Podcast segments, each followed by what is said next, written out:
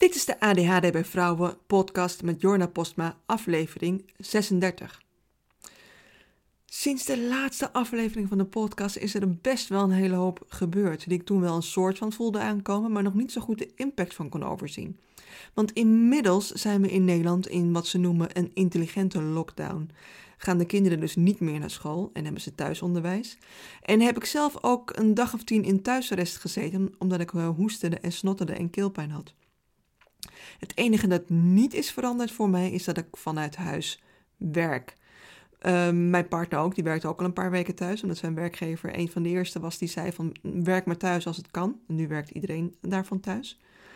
En waarin bij ons thuis in eerste instantie een hoera, we hoeven niet naar school stemming heerste, veranderde dat al vrij snel in oh nee, dat betekent dus ook geen vriendjes en vriendinnetjes om mee te spelen.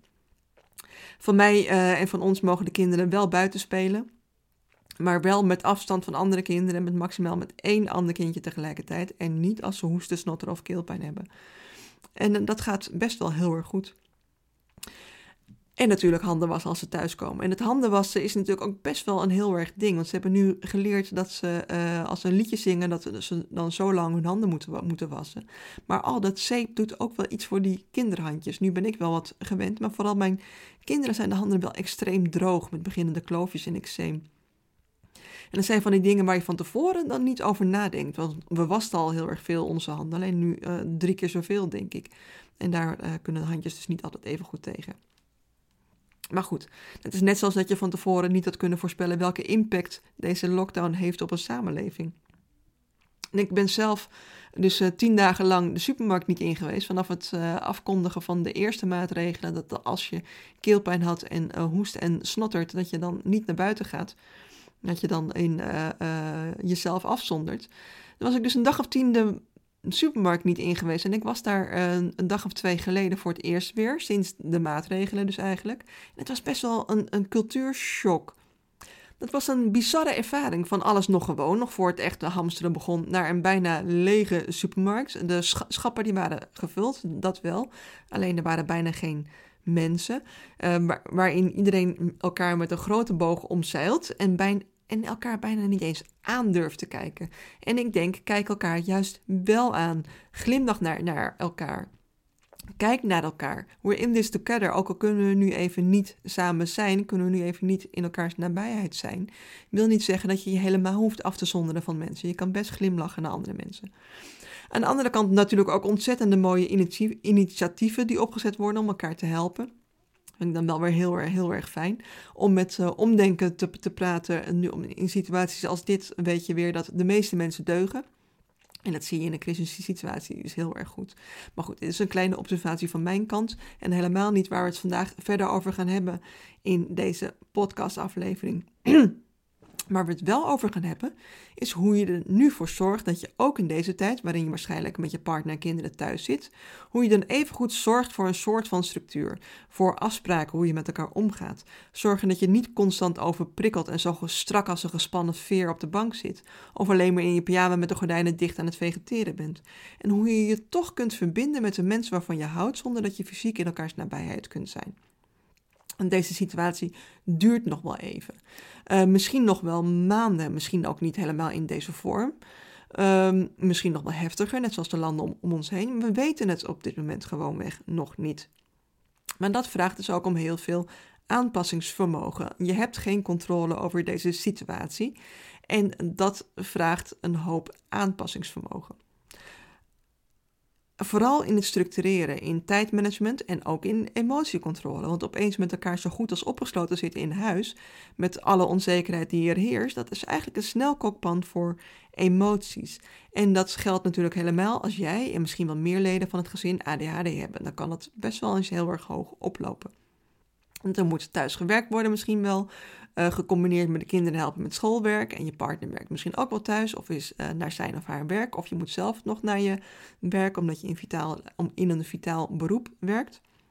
En soms is gedeelde smart halve smart. Ik moet zeggen dat ik heel erg hard moet lachen om de, uh, de foto's en berichten van die hilarische thuiswerken en kinderen werken niet mee foto's. Voor een beetje relativering is dat best leuk om te zien dat je echt niet de enige bent die dat moeilijk of lastig vindt. Maar als je er zelf middenin zit met je geliefde om je heen, is gedeelde smart soms ook dubbele smart. Want als je met z'n allen in een beperkte ruimte zit, kan dat ook veel irritaties opleveren. Het is eigenlijk een soort snelkookpan als iedereen altijd de hele dag door thuis is en er ook nog gewerkt moet worden. Gebeld met klanten of met collega's, videogesprekken gevoerd, overleggen gepleegd. In een normale situatie bereik, mm, bereid ik zo'n podcastaflevering als dit in een uur of twee voor. Dan opnemen, editen en dan online uh, slingeren. Zeg maar een halve dag per aflevering. Nu de kinderen thuis op school, dus de kinderen zitten nu thuis op school, is die tijd significant langer, omdat ik me maar korter achter elkaar kan concentreren waar ik mee bezig ben. Dat vraagt om een iets andere benadering dan eerst. Want die deep dive van concentratie om een aflevering in een halve dag te schrijven, opnemen, te editen en online te plaatsen, dat lukt even niet. Niet in één keer, in, in ieder geval. En als het niet gaat zoals het moet, dan moet het maar zoals het gaat, om eens even een dooddoener te zeggen.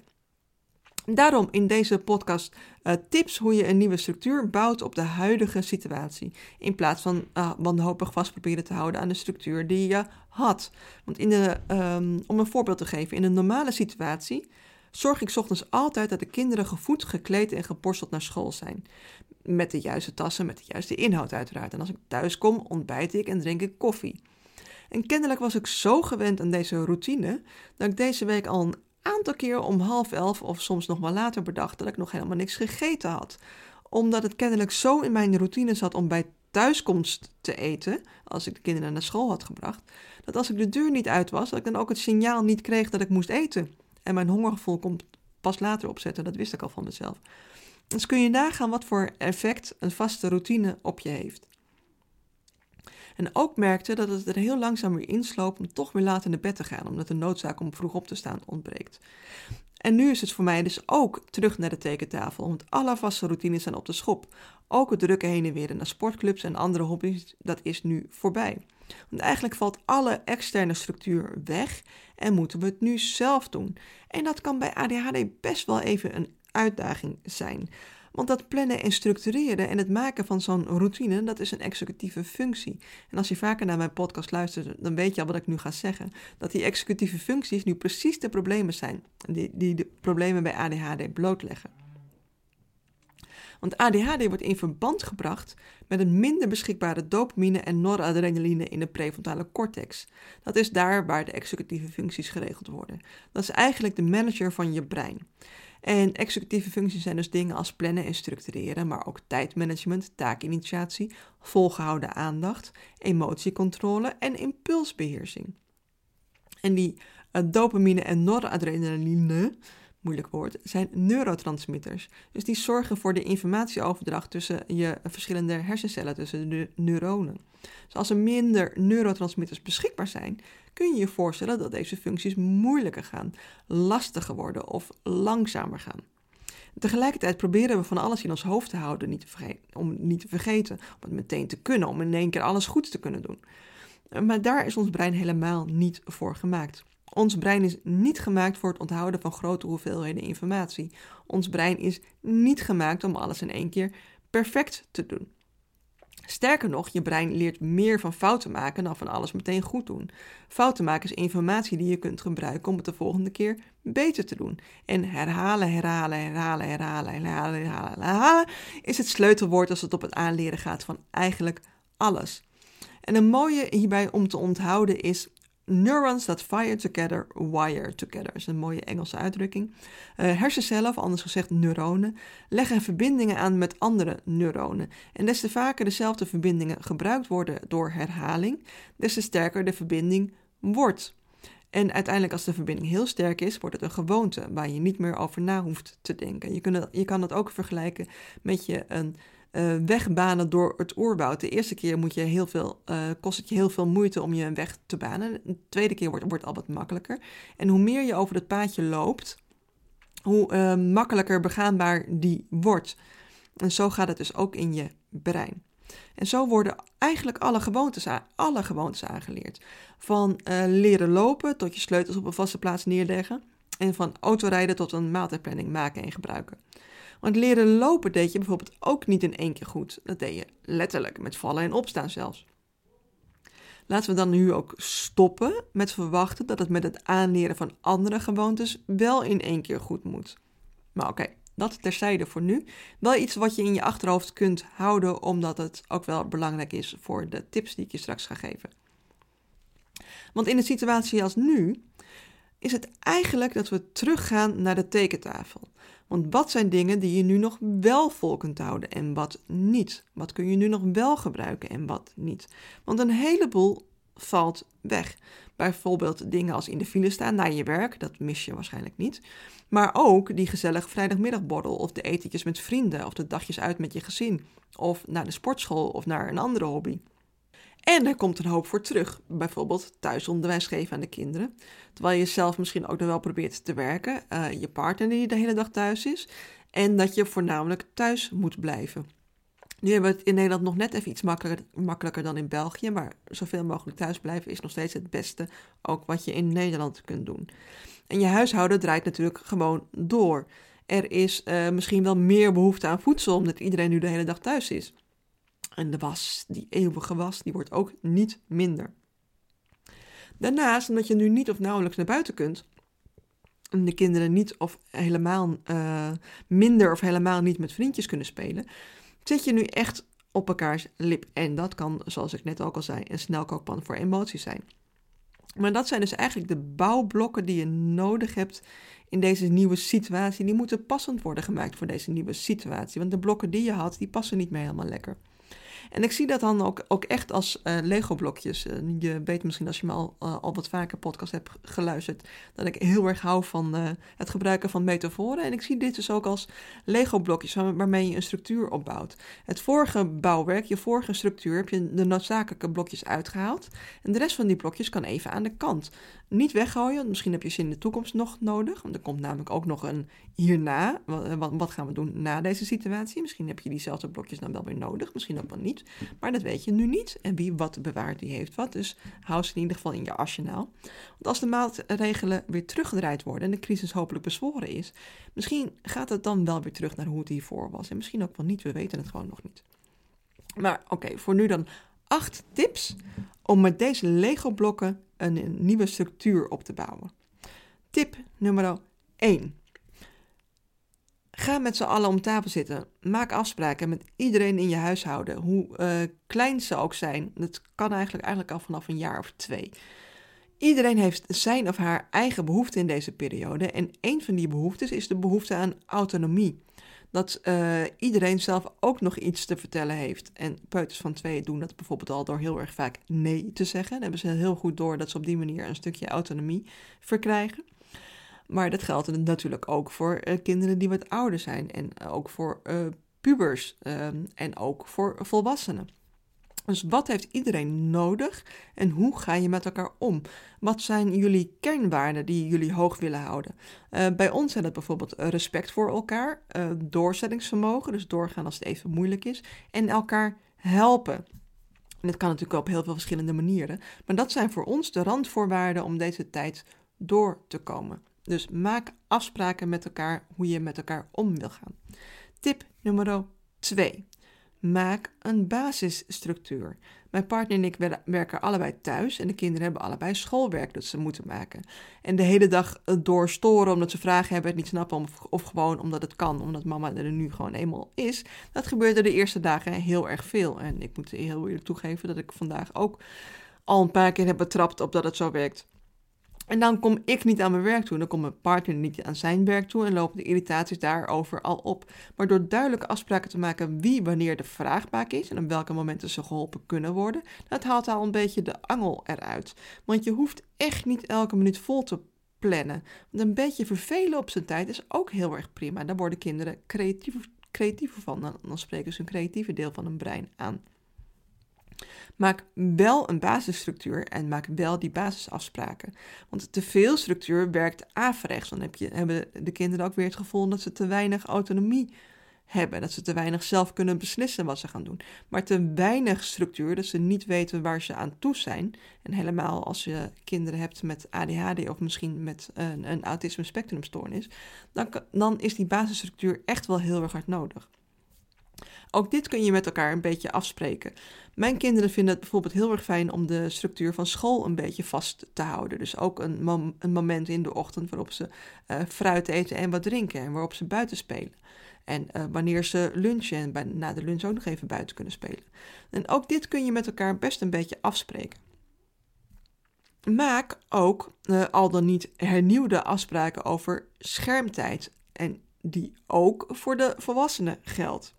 Want leg de regels en structuur ook niet zomaar op, maar doe het samen. En laat die regels dus ook voor de volwassenen gelden. Dat zei ik net ook al. Op die manier werken de regels bij de kinderen ook een stuk beter door. En, laat, daardoor um, creëer je ook meer begrip. Want als zij niet zo lang op een schermpje mogen en ze zien jou wel de hele dag met je telefoon in de hand, dan gaat het ook een beetje scheef. En dan krijg je, krijg je ook irritaties.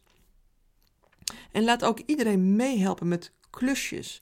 Want nu toch iedereen de hele dag door thuis is, kunnen ze net zo goed meehelpen. Zo komt niet alle druk daarvoor ook nog eens op jouw schouders terecht. Want afhankelijk van de leeftijd van je kinderen kunnen ze bijvoorbeeld ook al meehelpen met koken. Mijn dochter van 12 kan bijvoorbeeld zelfstandig soep maken en met een heel klein beetje hulp ook bijvoorbeeld pasta saus.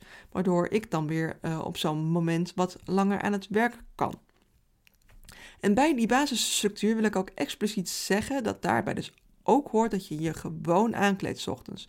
Net als wanneer iedereen naar school of naar werk gaat. En ook de tv zo lang mogelijk uitlaten, zodat je wel echt een structuur hebt op een dag dat die bedoeld is om te werken. En niet per se dat, dat het een vakantie is. Zodat je ook daadwerkelijk een verschil hebt tussen de schooldagen, tussen de weekdagen en de weekenddagen dagen. Want anders gaat het een beetje door elkaar heen lopen. En dan weet niemand meer wanneer ze eigenlijk vrij zijn en wanneer ze uh, aan het werk moeten. Dan wordt het lastig, terwijl duidelijkheid juist fijn is.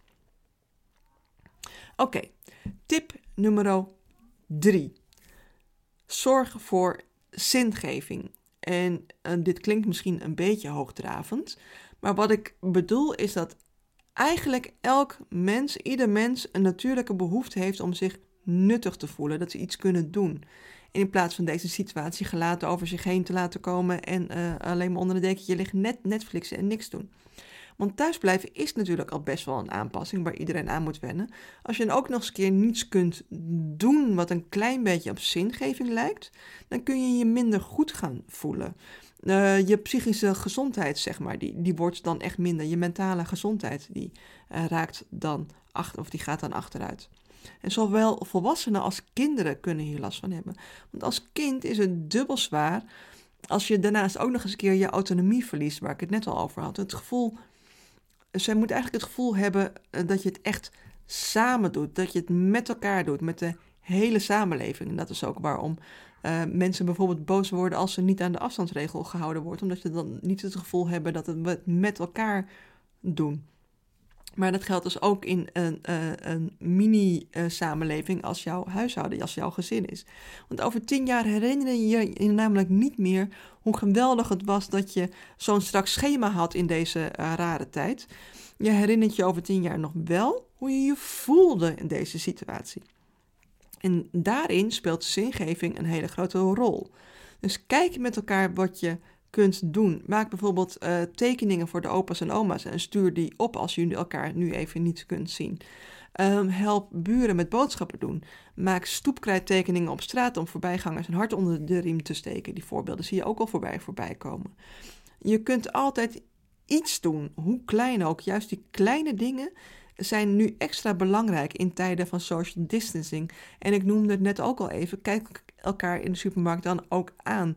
Glimlach even naar elkaar. Geef elkaar een knipoog, want het, is al moeilijk genoeg zonder. Mm, tip nummer 4. Gebruik een bullet journal. Als je mij al wat langer volgt, dan weet je dat ik hier een groot voorstander van ben. Uh, voor het gebruiken van een bullet journal en het hebben van vaste routines. Normaal al. Maar in zo'n situatie als dit, waarin de hele wereld ondersteboven staat, nog veel en veel meer. Want zo'n bullet journal is ideaal om de nieuwe structuur in te ontwerpen, om vorm te geven. En doordat je het per dag doet en bijhoudt, ook nog makkelijker wordt om vol te houden. En je kunt elk simpel notitieboekje omtoveren tot je bullet journal zodat je die nieuwe structuur eigenlijk daar een gewoonte van maakt. Dus gebruik een bullet journal. Voor de basics, uh, hoe je een bullet journal gebruikt, heb ik een planner bij ADHD mini-cursus die je gratis kunt volgen. Voor een uitgebreide uitleg hoe je dat dan gebruikt en hoe je de bullet journal nu echt gebruikt en hoe je een gewoonte aanleert, daar heb ik een online cursus voor, voor een zacht prijsje. Voor allebei zet ik de link in de show notes. Want in de bullet journal kun je namelijk die nieuwe structuur goed uitdenken, uittekenen, nieuwe gewoontes aanleren en meer. In de show notes heb ik ook een link naar de podcastaflevering over de bullet journal bij ADHD. Want een bullet journal kun je in deze tijd goed gebruiken om alles uit je hoofd op papier te krijgen. Want in je hoofd krijg je het gewoonweg niet gestructureerd. Op papier gaat het al een heel stuk beter. Tip nummer 5. Zorg voor voldoende lichaamsbeweging. Naar de sportschool gaan kan niet meer. Uh, heel eerlijk, dat kan ik toch al nooit. Maar lange strandwandelingen of in het bos, dat wordt ook steeds lastiger. Want met mooi weer wil iedereen dat wel. En het gaat nu gewoon even niet. Dat zagen we afgelopen weekend. En toch is het belangrijk om te zorgen voor genoeg lichaamsbeweging. Niet alleen voor je fysieke gezondheid en voor je weerstand, maar juist ook voor je psychische gezondheid en cognitieve vaardigheden. Want die versterk je ook door elke dag minimaal een half uur te bewegen. De initiatieven om vanuit huis toch te kunnen bewegen schieten als paddenstoelen uit de grond. Op YouTube kun je echt ontzettend veel vinden. Van uh, yoga tot 7-minute workouts, van danslessen tot bokslessen, uh, van karate tot uh, fitness met huistuin en keukenmateriaal. Van alles en voor iedereen wat wils. Dus ga bewegen. Dat kan ook op een vierkante meter. Tip nummer 6. Ga toch elke dag even naar buiten. En dan heb ik het natuurlijk niet over de maatregelen omzeilen, want die moet je juist in acht houden. Dus uh, anderhalve meter afstand houden. Het liefst alleen naar buiten. Maar als ik zeg ga even naar buiten, kan dat natuurlijk ook in je tuin zijn. Of op je balkon als je geen tuin hebt. En misschien heb je zelfs niet eens een balkon. Dan desnoods even voor een open raam. Zodat je ook broodnodige frisse lucht krijgt en genoeg vitamine D aanmaakt. Want dat kun je uh, aanmaken via de huid, wat ook weer kan bijdragen aan een betere weerstand. En normaal adviseer ik altijd om bij de huisarts bloed te laten prikken om te controleren of je wel of geen vitamine D tekort hebt. Op dit moment kun je misschien beter even zelf beslissen om te kijken of je dat wel of niet doet. Want de huisartsen zijn natuurlijk ook best wel overbelast op het moment. Want sowieso worden bij uh, getinte mensen en vrouwen boven de 50 een supplement aan vitamine D aangeraden. Kijk op voedingscentrum.nl voor de juiste dosering aan vitamine D. Dus vitamine D is uh, belangrijk om ervoor te zorgen dat je gezond blijft. Is goed voor je weerstand. Tip nummer 7. Relax. Echt, dit is zo geen tijd voor perfectionisme. De wereld is verder van ideaal, normaal al, maar op dit moment helemaal niet. De wereld is gewoon op slot. En dat is oké. Het is oké om los te laten dat je dit quarantaine-ding perfect moet doen. Het is echt oké om los te laten dat je alles voor iedereen moet zijn. Juf, partner, huisarts, kok, werknemer, collega, ondernemer, dochter, vriendin. Het hoeft niet perfect, want iedereen zit in hetzelfde schuitje. Voor iedereen is deze situatie nieuw. Voor iedereen is deze situatie wennen. En er is niemand die dit perfect doet, dus laat dat los. Zorg niet alleen voor de anderen om je heen, zorg vooral ook goed voor jezelf. Maak tijd voor jezelf. Gun je partner en kinderen ook tijd voor zichzelf, want niemand wordt er gelukkiger van om altijd maar opgesloten bij elkaar te zitten.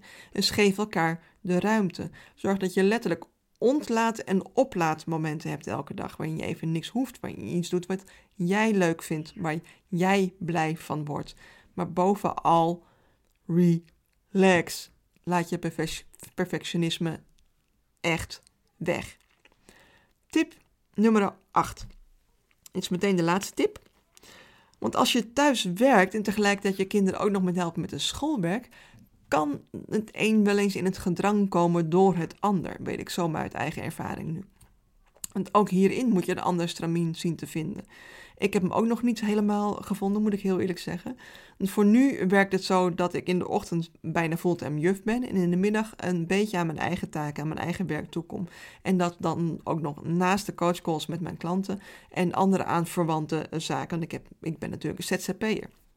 En waardoor dan bijvoorbeeld het schrijven van deze podcastaflevering een beetje in gedrang komt. Omdat ik uh, voor schrijven graag langer achter elkaar doorwerk en nu om de paar minuten gestoord wordt en veel meer omgevingsgeluid is. Omdat iedereen altijd in en om het huis is. Dus uh, mocht je uh, omgevingsgeluiden opvangen op deze podcast, ik heb mijn best gedaan om het te minimaliseren, maar het zou zomaar kunnen, kunnen zijn dat je af en toe kinderstemmetjes hoort. Ik hoor ze nu ik aan het opnemen ben wel namelijk.